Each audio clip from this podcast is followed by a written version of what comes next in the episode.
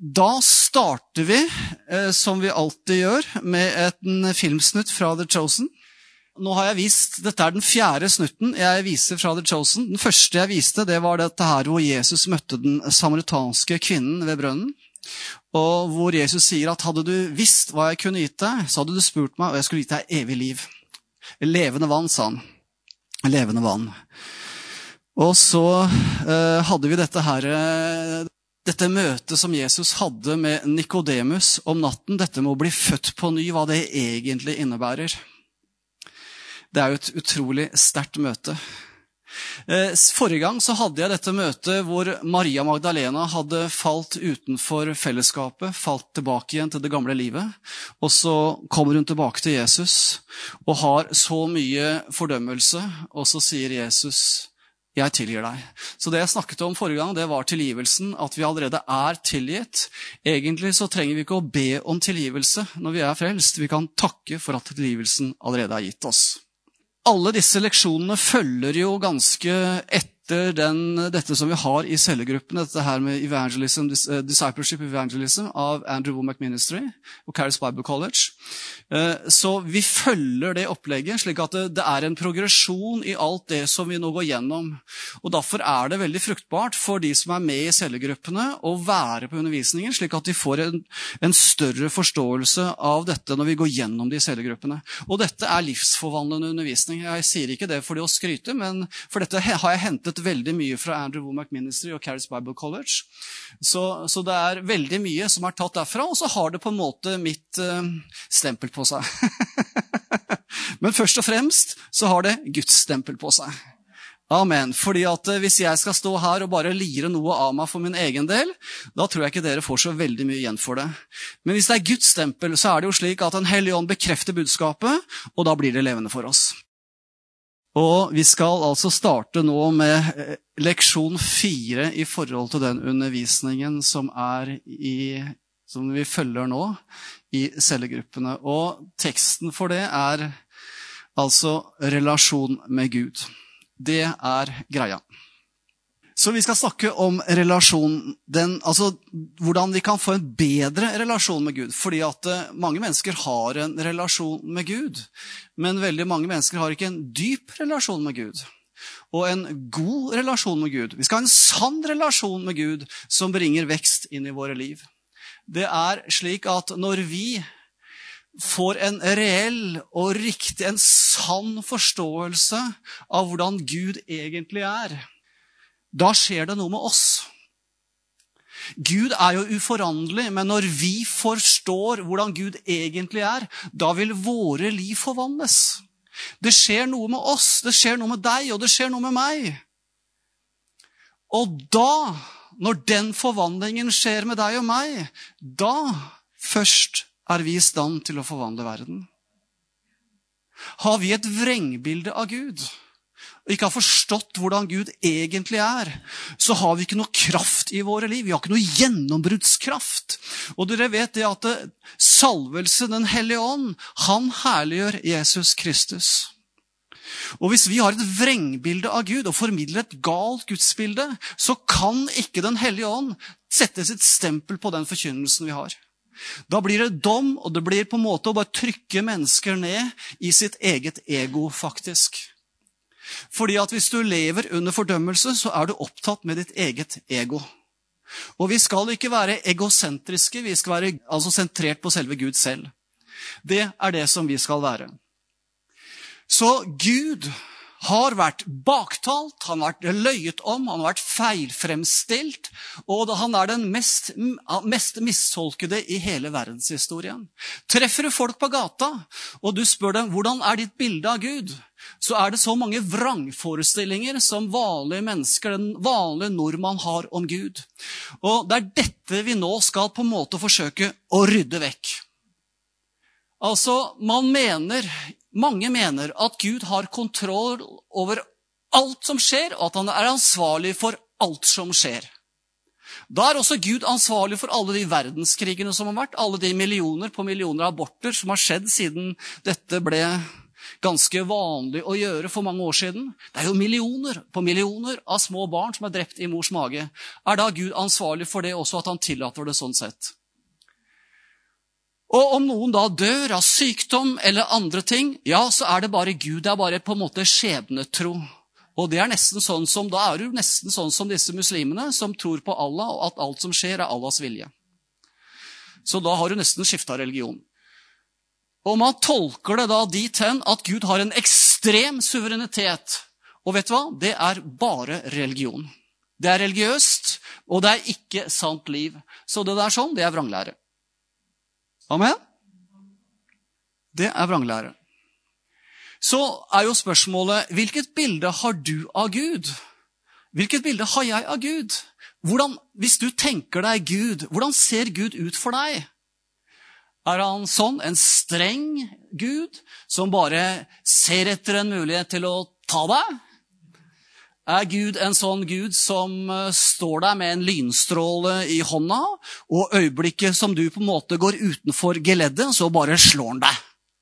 Og da straffer han deg. Stakkars deg. Er det det bildet du har av Gud? Den strenge, dømmende, harde, ufølsomme Gud. Hvilket bilde har vi av Gud? Det preger vårt gudsliv. Så skal vi ha et sant og godt gudsliv, så må vi ha et rett bilde av Gud. Og det er så mange sånne selvbestaltede profeter som mener at de har profetisk salvelse, og så kommer de med så mye domsforkynnelse, og det er ikke salvelse på det i det hele tatt. Og det at Gud er suveren, det betyr ikke at han på en måte har kontroll over alle ting og er ansvarlig for alle ting som skjer. Vi er gitt en fri vilje. Hvert menneske er gitt en fri vilje. Men det at Gud er suveren, det betyr at ikke du kan gi Gud en ordre. Du kan ikke kontrollere Gud og fortelle Gud hva han skal gjøre. Han er suveren i det han gjør. Og Bibelen sier veldig mye at hvem som, Bibelen forteller oss hvem som ødelegger, hvem som stjeler, hvem som myrder. Det er djevelen.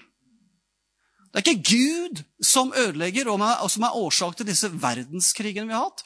Og nå er det jo mange som tror at vi kanskje går inn i en ny, en tredje verdenskrig. Det er ikke Gud som er ansvarlig for dette. Det er menneskers egne valg hvor de er på rett og slett eh, påvirket av djevelske og demoniske makter. Djevelen er kommet, sier han. Han kom for å myrde, stjele og ødelegge. Og Vi kan ha så mange bilder av djevelen. Mange tror at han er en sterk, stor skikkelse. Sannsynligvis er han bare en liten pjott som det der sånn. Men han fungerer, og han virker gjennom sitt bedrag. Og i den grad som det djevelen kan påvirke ditt sinn og få dine tanker til å på en måte tolke Gud feil Dere vet at dette, alt dette som har med religion å gjøre, og den religiøsiteten vi ofte ser, det er djevelske, demoniske tanker som er puttet inn i hodet vårt. Og dette må renses vekk. Vi må ha en fornyelse av sinnet vårt. Slik at vi forstår hvem Gud egentlig er. Og Mener man at Gud har kontroll over alle ting og er ansvarlig for alle ting, så er det jo Gud som er ansvarlig for at mennesker havner i helvete også, da. Er det ikke det? I fortapelsen. Men hva er det som står i 2. Peters brev? Og Herren er ikke sen med løftet, slik noen regner det for senhet, men han er tålmodig med oss, siden han ikke vil at noen skal gå fortapt, men at alle skal komme til omvendelse. Og fortapelsen er jo fryktelig. Fortapelsen er fryktelig. Men det er ikke Guds vilje. Det er mennesker som selv velger dette. Og Jesus sier det veldig klart at for vid er den port, og bred er den vei som fører til fortapelsen. Og det er mange som går på den veien. Men trang er den port, og smal er den vei som fører til livet. Her setter Gud framfor ethvert menneske har et valg. Ethvert menneske har et valg, og velger du fortapelsens vei, så havner du der vi var i stad. Men velger du livets vei, så skal du en gang møte Jesus Kristus innenfor hans trone og se han som han er, ansikt til ansikt. Det er det Gud vil for hver eneste en av oss. Amen! Guds vilje skjer ikke automatisk. Han samarbeider med oss.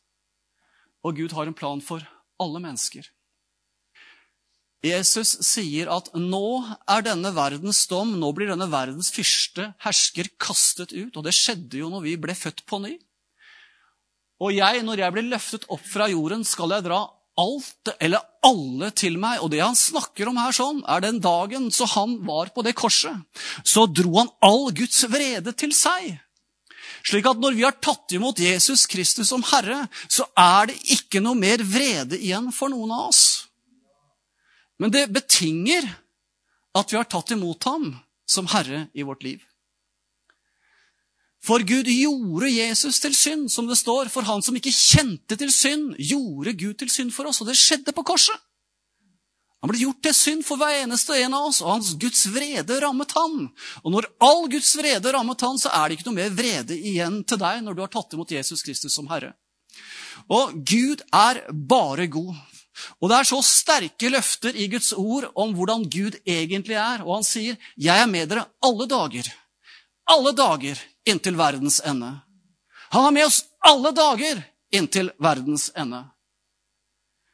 Og så sier han også, for idet han snakker om djevelen, hvem djevelen er, så sier han bare, fortsetter han, men jeg, sier han, jeg er kommet for at dere skal ha liv, og det i overflod. Amen. Og det er det Gud ønsker å gi hver eneste en av oss, og det er Guds natur. For Gud er kjærlighet. Gud er kjærlighet. Han ønsker å øse dette utover hver eneste en av oss. Den kjærligheten som bor i hans hjerte, ønsker at han skal være virksom inn i våre liv, inn i våre hjerter. Det er Gud. Men det er slik at skal vi en, sant, altså skal vi få forvandlede liv, så må vi ha et sant bilde av Gud. Har vi på en måte falt inn i denne grøfta av religiøsitet og blitt påvirket av denne verdens hersker, så har vi fått et vrengbilde av Gud. For det som er djevelens agenda, det er å fremstille Gud som en hard, en ubarmhjertig, en vredesgud som ikke har omsorg for oss.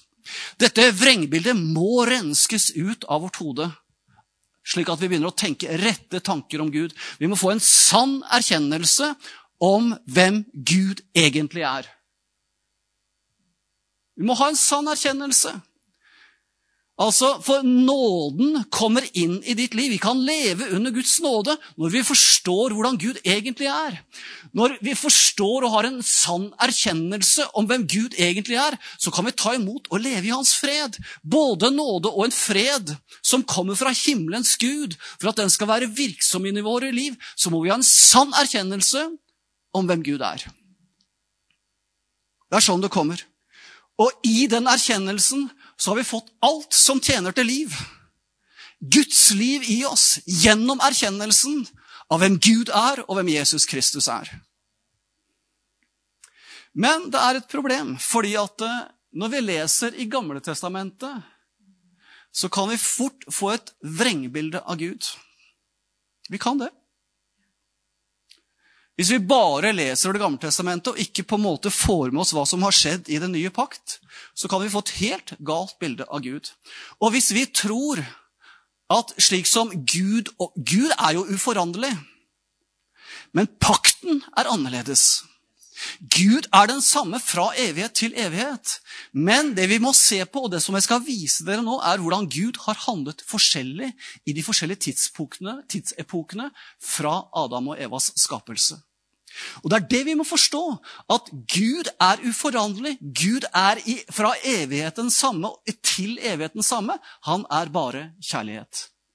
Og det har han vært fra verdens begynnelse av, men han har handlet annerledes med menneskeslekten, avhengig av hvilken pakt som har vært i funksjon. Gud er den samme. Han er uforanderlig. Og jeg skal nevne en sånn story som Andrew Womack fortalte. Den er veldig illustrerende for å fortelle for å vise dere hvordan man kan få et vrengbilde av Gud. Han har jo vært veldig glad i hester, og så fikk han tilbud om å få to hester gratis. Og hvis ikke han tok imot de to hestene, så ville de bare bli skutt og blitt hestepølse. Problemet med de to hestene det var det at eh, de hadde ikke hatt noe kontakt med mennesker. Altså, på den måten at det var ingen mennesker som kunne nærme seg dem. og på en måte De hadde aldri blitt, fått, nesten fått en berøring av noe menneske. Det gikk fritt på et stort beiteområde, men de hadde fått gått der fra de var små føll og vokste opp på det beiteområdet uten noe særlig menneskekontakt. Og mens de var, Den ene hesten som da var et føll, hadde fått på seg en grime, men så hadde den jo vokst. Slik at nå begynte den grima å bli altfor liten, så han måtte få av den grima.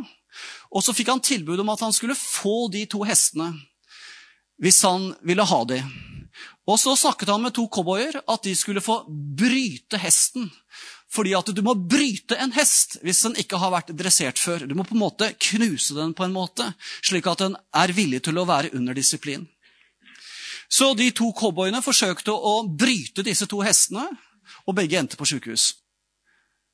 Og så tenkte han hvis ikke jeg får brutt den hesten, så ender den som hestepølse. Så fikk han en idé, fordi at du kunne ikke nærme deg de hestene uten at de bare løp av gårde. Han gravde ned en jernbaneskinne i jorda, og så festa han et skikkelig solid tau til den jernbaneskinna.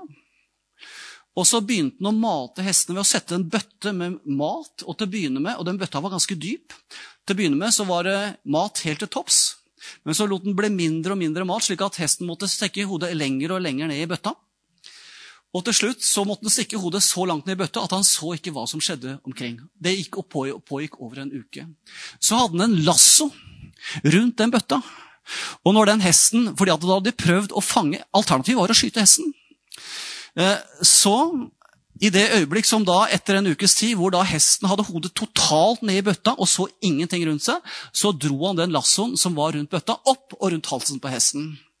Og den lassoen var festa til den jernbaneskinna. Og da den hesten skjønte hva som hadde skjedd, så ble den helt vill. Altså, Det spruta ut bak, og det spruta ut foran. Og den løp i ring rundt den jernbaneskinna. Og helt vill i aua. Mye nesten verre, tror jeg, enn det bildet der sånn.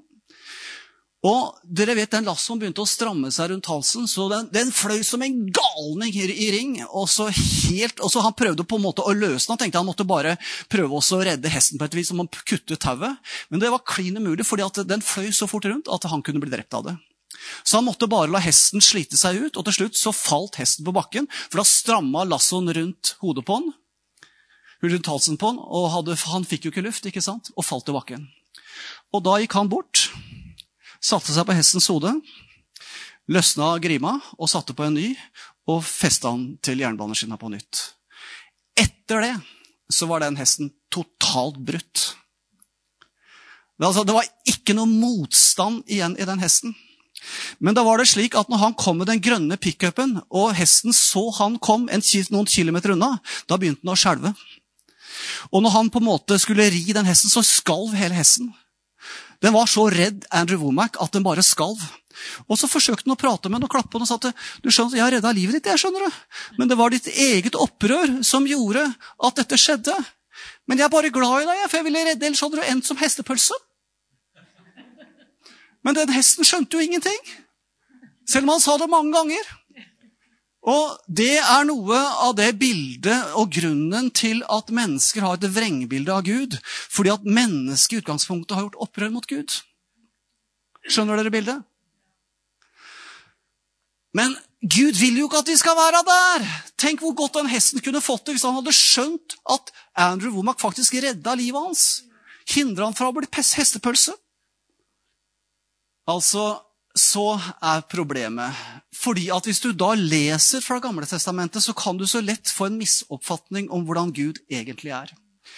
Og spesielt hvis vi nå går fra begynnelsen. Nå skal vi gå fra begynnelsen, fra skapelsen av Adam og Eva, og se hva som egentlig skjedde. For det står jo i Bibelen at eh, Gud eh, drev Adam, drev Adam og Eva ut av hagen.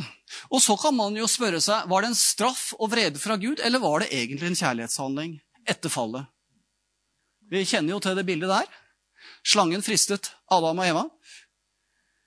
De falt i synd, og deres natur ble forandret.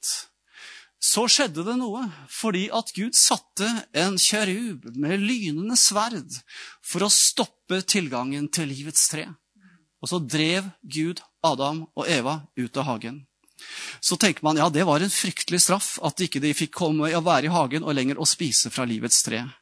Men husk nå, Adam og Eva hadde falt i synd. Deres natur var forandret. De hadde ikke lenger en rettferdighetsnatur fra Gud, de hadde en syndenatur. Og så sier Gud bare Adam og Eva nå ikke rekker ut hånden og eter av livets tre, så han lever evig. Og så satte han kjeruber øst for Eden, sage med flammende sverd som svingte i alle retninger for å vokte veien til livets tre. Var det en kjærlighetshandling, eller var det en vredeshandling fra Gud? Hva om mennesket i sin falne natur hadde levd evig og spist av livets tre? Hva hadde skjedd med den mannen da? Aldri, Han ville aldri dø. Og det har vært mange Hitlere og Mussoliner og andre grusomme herskere gjennom verdenshistorien. Tenk deg disse romerske keiserne, Caligula og Nero og hele gjengen. De ville aldri dø. Uansett om du skjøt dem. Altså, de var bare evighetsskapninger. De bare levde videre. Det, altså, da hadde volden og ondskapen bare eksplodert. Det er fryktelig å leve evig i en fordervet tilstand. For den som er frelst, men om vi dør For vår kropp er ikke en evighetsskapning, så er død og oppstandelse en velsignelse. Det er også en velsignelse at onde mennesker dør. Ser dere det?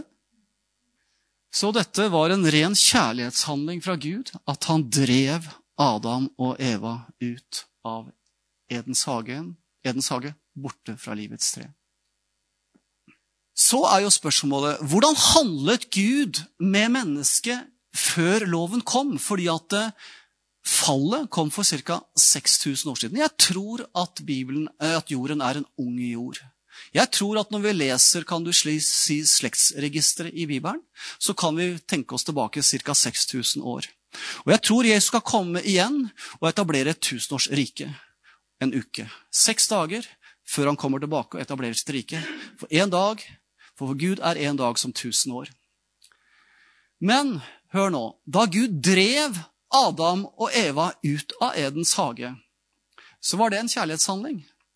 Men hvordan handlet Gud med mennesket fram til loven kom? Ved Moses, for den kom ca. 2500 år senere.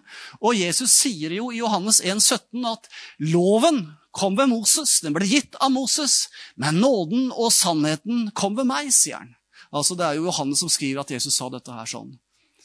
Amen. Men så er det saken. Saken er da den at da loven kom for ca. Altså for ca. 2500 år etter skapelsen, etter fallet, så står det i Romerne 5.13 For også i tiden frem til loven var det synd i verden. Men synden blir ikke tilregnet når det ikke er noen lov. Hva betyr det? Hva betyr det at ikke synden blir tilregnet? Og det ordet 'tilregnet' det er, det, det er egentlig et sånt faguttrykk som man bruker i regnskapsføring. Hvis du går og kjøper i butikken, og så sier du at du kan sette det på min konto, og så skriver det som sånn som man gjorde i gamle dager. vet du, Man gjør ikke det lenger nå. Nå har man kredittkort og det ene og det andre. Men det gjorde man gjorde i gamle dager. Så skrev de ned Toril. Hun kjøpte tre melk, krone det og det i boka si. ikke sant? Og så gjorde du kanskje opp den eh, kontoen på slutten av måneden, eller når du bestemte at du ville gjøre det. Det er det tilregnet egentlig betyr.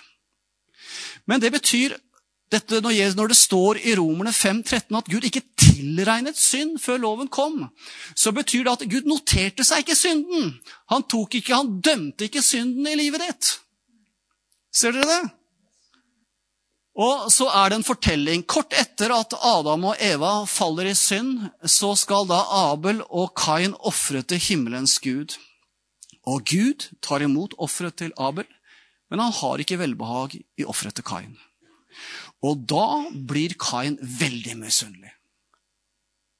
Og så dreper han sin bror. Han dreper, Det er det første drapet i menneskehetens historie. Men hvordan handlet Gud med Kain etter at han drepte sin bror? For det står, så sier jo Kain, se, i dag har du drevet meg bort fra landet. For ditt ansikt må jeg skjule meg, og jeg blir en flyktning og en omstreifer på jorden. Det kan skje at hvem som helst som finner meg, slår meg i hjel. Men Herren sa til ham, derfor skal den som slår Kain i hjel, bli hevnet sju ganger.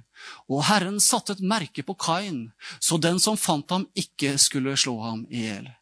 Den første morder i menneskehetens historie ble ikke dømt av Gud. Og fordi at Gud ikke dømte synden, så eksploderte volden og synden. Og Derfor kom floden for at Gud måtte rense opp.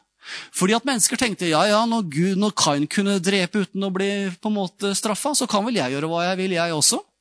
Og så sammenlignet mennesker seg med hverandre. Ja, ja, når han kan gjøre det, det er ikke noe straff for han, ja, men da kan jeg gjøre det også.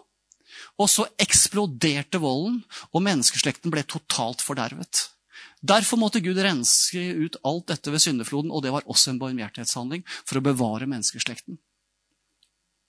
Men hva skjedde når loven kom? For loven kom 2500 år etter syndefallet. Loven kom ved Moses. Det er Charlton Heston han, i denne filmen 'Moses til ti bud'. vet du. Gud brukte Moses til å gi det utvalgte folket, jødene, loven. Og hva skjedde da? Og Da kan vi lese videre hva som skjedde. Nå har det gått 2500 år, og menneskeslektens vold bare eksploderte etter syndefallet. Gud kom med vannflommen som gjorde at bare åtte mennesker overlevde. Og så florerte dem. altså så, så, bare vokste eller så, så bare det ble født så mange barn, ikke sant? Og, og bare, det ble masse mennesker som ble spredd utover jorden. Og så økte volden og grusomheten og alt dette på nytt igjen. Men fortsatt så var Gud Han handlet ikke slik som det som nå skjer. For så får altså Moses budene på Sinai-fjellet, som ligger i Arabia, ikke på Sinai-halvøya så står det i Fjerde Mosebok mens Israels barn var i ørkenen, kom de over en mann som sanket vedkvister på sabbatsdagen. De som kom over ham da han sanket vedkvister, førte ham fram til Mose og Aron og framfor hele menigheten. De holdt ham i forvaring, for det var ikke kunngjort hva som skulle gjøres med ham. Da sa Herren til Moses, mannen skal sannelig dø. Hele menigheten skal steine ham utenfor leiren. Han sanka ved for å tenne opp et bål, for å kanskje å varme maten sin. Han endte sitt liv. Han ble steina til døde. Altså, Sammenlign på en måte hva som skjer. Kain drepte sin bror. Ingen straff. Denne mannen sanker ved på sabbaten og steines til døde. Det er jo en total kontrast, er det ikke det? Ser dere hvordan Gud handler annerledes i verdenshistorien? Gud er den samme. Men pakten er annerledes. Det er det som er forskjellen. Mannen ble steinet til døde fordi han sanket død. og Han var den første som ble drept fordi han brøt Guds bud. Og det satte en frykt i hele folket. For inntil da så var de vant til bare å sammenligne seg med sin hverandre. Og hvis du gjorde det, da kunne jeg gjøre det. Og hvis du gjorde det, da kunne jeg også gjøre det. Hvis ikke du gjorde det, ja, kanskje jeg kan gjøre det likevel. For det skjer jo ingenting likevel. Så, fordi at mennesket hadde mistet et moralsk kompass, så kom loven. For at menneskene skulle forstå alvoret, ikke bare sammenligne seg med hverandre, men begynne å se til et absolutt bud fra himmelens Gud, en hellig Gud. Derfor kom loven, for på en måte å korrigere dette. her sånn. Og Hvis ikke loven hadde kommet, så hadde det kanskje ikke vært en eneste jomfru tilbake som kunne sørge for en jomfrufødsel med Jesus Kristus. Derfor kom loven, og Derfor brukte Gud jødefolket, derfor fikk jødefolket disse ti bud på Sinai-fjellet. Men hva er det som er så spesielt ved loven? Fordi at du kan jo ikke bli rettferdig for Gud ved loven. Loven har en helt annen hensikt. Det er som en toktemester som holder deg på plass. Det er som når vi oppdrar våre barn fram til de blir på en måte store. Så, altså, en toåring skjønner ikke at han må passe seg i trafikken. Da må du si at eh, hvis du går ut der, så får du en straff. Du kan ikke forklare han alle disse tingene. Og hvis en liten guttunge eller en liten jente stjeler deg leke fra en, en, lekekamerat, så kan ikke du forklare ham alle disse tingene. Du sier at ok, men da får det konsekvenser. Nytter ikke å forklare i det vide og det brede for et lite barn, for det forstår det ikke. De er under en tuktemester, og sånn var det med israelsfolket. De var under en tuktemester, loven, og den inngav frykt. Men loven frelser ikke. Hensikten med loven er at hver, hvert menneske skal forstå at det er en synder. Når du på en måte får en erkjennelse om Guds kan du si, krav, hellighetskrav, fullkommenhetskrav, da skjønner du at du kan ikke leve opp til det. Og det loven egentlig gjør, er at du blir skyldig innenfor Gud. Du skjønner at dette får du ikke til sjæl. Og så skriver Paulus også her i Romerne 7,9.: Jeg levde en gang uten lov, men da budet kom, våknet synden til live, og jeg døde. Og her er det forskjellige tolkninger. Og jeg kan fortelle dere hva jeg mener om det. Her er det ulike ordninger. Jeg tror at hvert menneske som blir født, er født med en syndenatur. Jeg tror at det som i forhold til syndefallet, etter syndefallet, så er alle mennesker født med en syndenatur. Og det ser du på et lite barn som på en måte blir overlatt til seg selv. Det er totalt selvsentrert. Og er, jeg tror at det er sånn at den syndenaturen som de har, at den bare viser seg i deres ytre handlinger ethvert menneske, ethvert barn. Men dere vet det at da er det på samme måte at Gud ikke tilregnet synden så lenge ikke loven kom. Men da er det også slik at Gud ikke tilregner synden et lite barn så lenge som det ikke har noe forstand. Men det kommer et punkt i ethvert menneskes liv hvor det blir stilt et ansvar for sine handlinger. Og Jeg tror at det er sånn du skal tolke Romerne 7.9. Her er det forskjellige ulike oppfatninger på det, men jeg tror det er sånn det er. Hvor Paulus skriver 'Jeg levde en gang uten lov'. Men da budet kom, da han ble såpass voksen at han skjønte hva som skjedde, våknet synden til live. Altså, det står at synden våknet. Men hvis den våknet, så var den i live. Skjønner dere?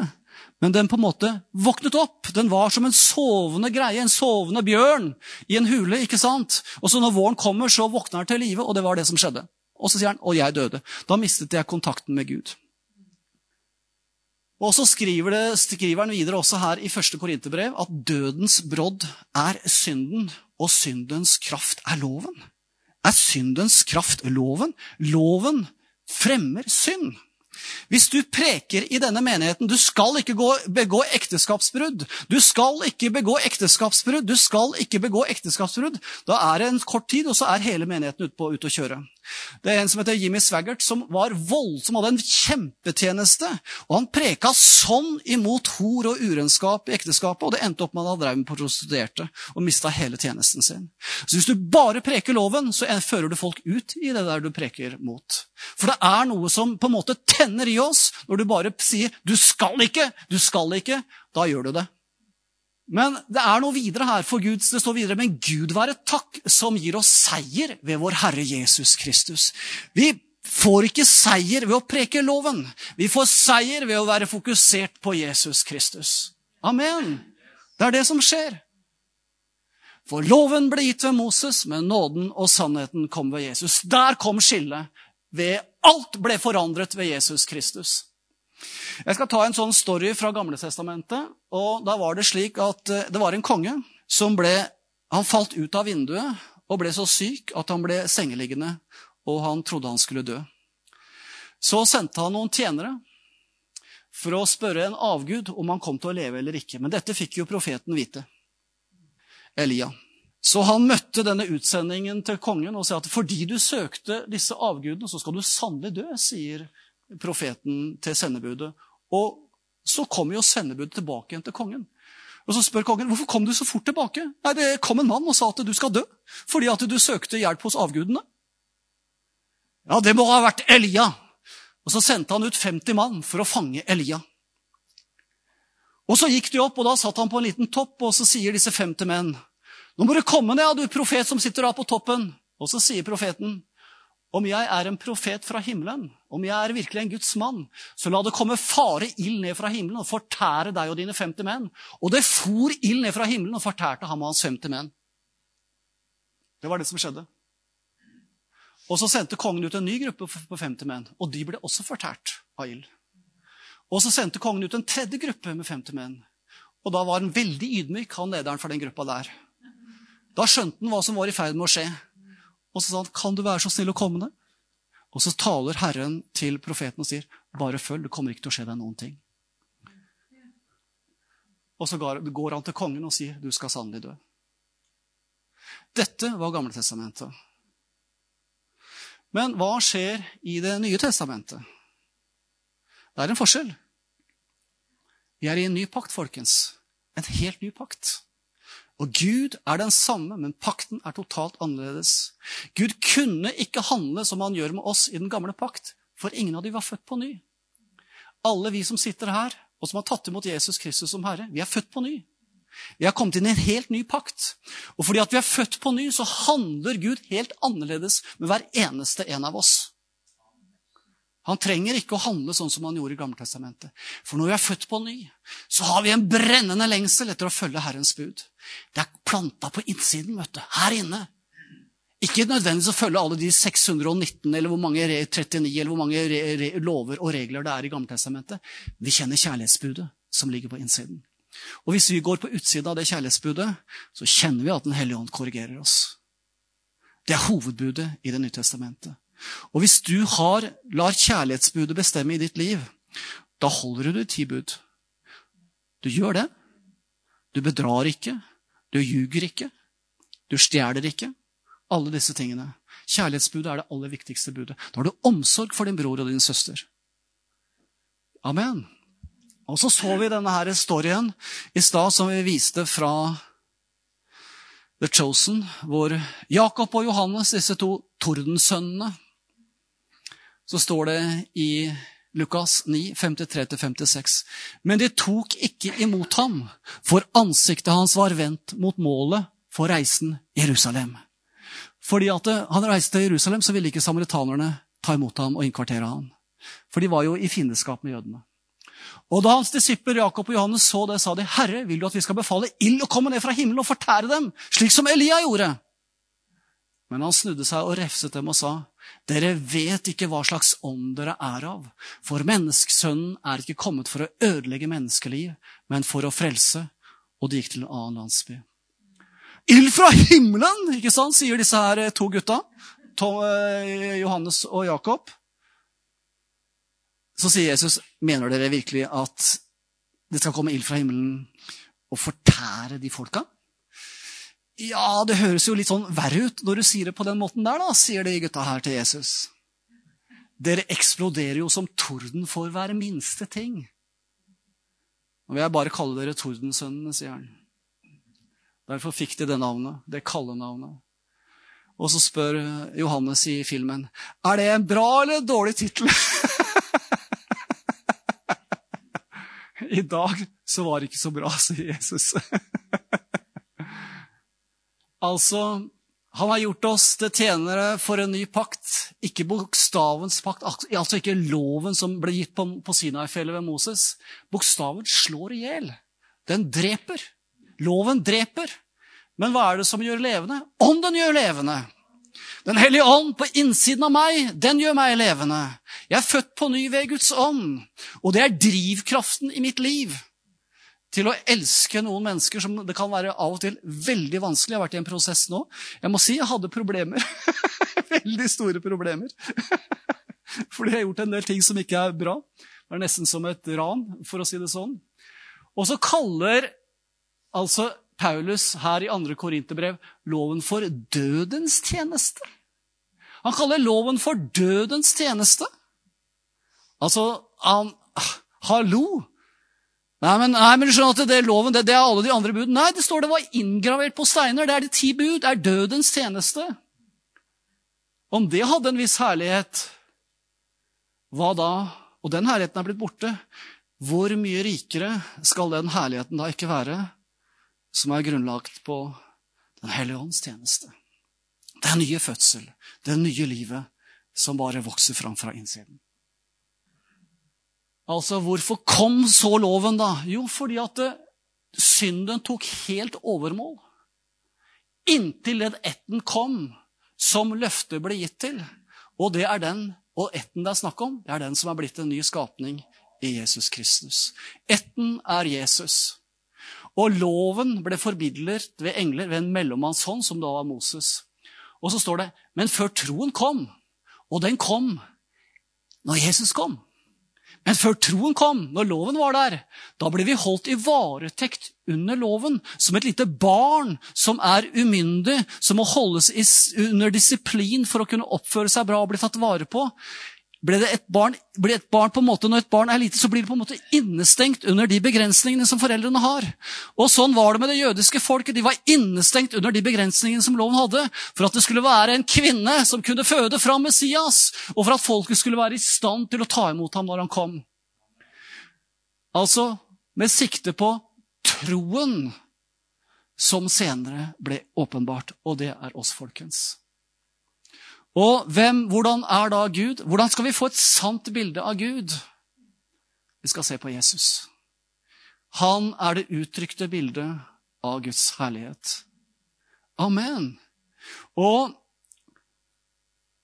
da, når vi ser på Han, da får vi et sant bilde av Gud. Når vi ser, Og da gjennom Jesus så ser vi Guds natur fra begynnelsen av. For det var sånn Gud handlet fra begynnelsen av. Alt det gode Gud gjorde fra skapelsen av, faktisk også når han drev Adam og Eva ut av hagen, det var i godhet og det var i kjærlighet. Som han handlet med Kain. Men når ikke grensene var der, så utartet det seg til massevis av vold og, og djevelskap som bare økte på. Han måtte ta et oppgjør med det for å på en måte bevare menneskeslektens renhet og kunne føre frelseren fram. Og fordi at Gud gjorde dette, så er du her i dag, og jeg er her i dag, og har blitt en ny skapning i Kristus Jesus. Vi er et resultat av Guds kjærlighet gjennom hele historiens løp. Men han måtte gi loven for å holde jødene på en måte under en tuktemester inntil Jesus kom. Men det var for en tid på samme måte som et barn vokser opp, så er det bare for en tid inntil dere blir myndig og kan ta egne avgjørelser. Nå har den myndigheten kommet i vårt liv. For at Jesus har kommet, han har gitt oss Den hellige ånd på innsiden, og vi kan leve et helt nytt liv i åndens kraft, ikke etter loven. Amen. Amen. Det var undervisningen i dag.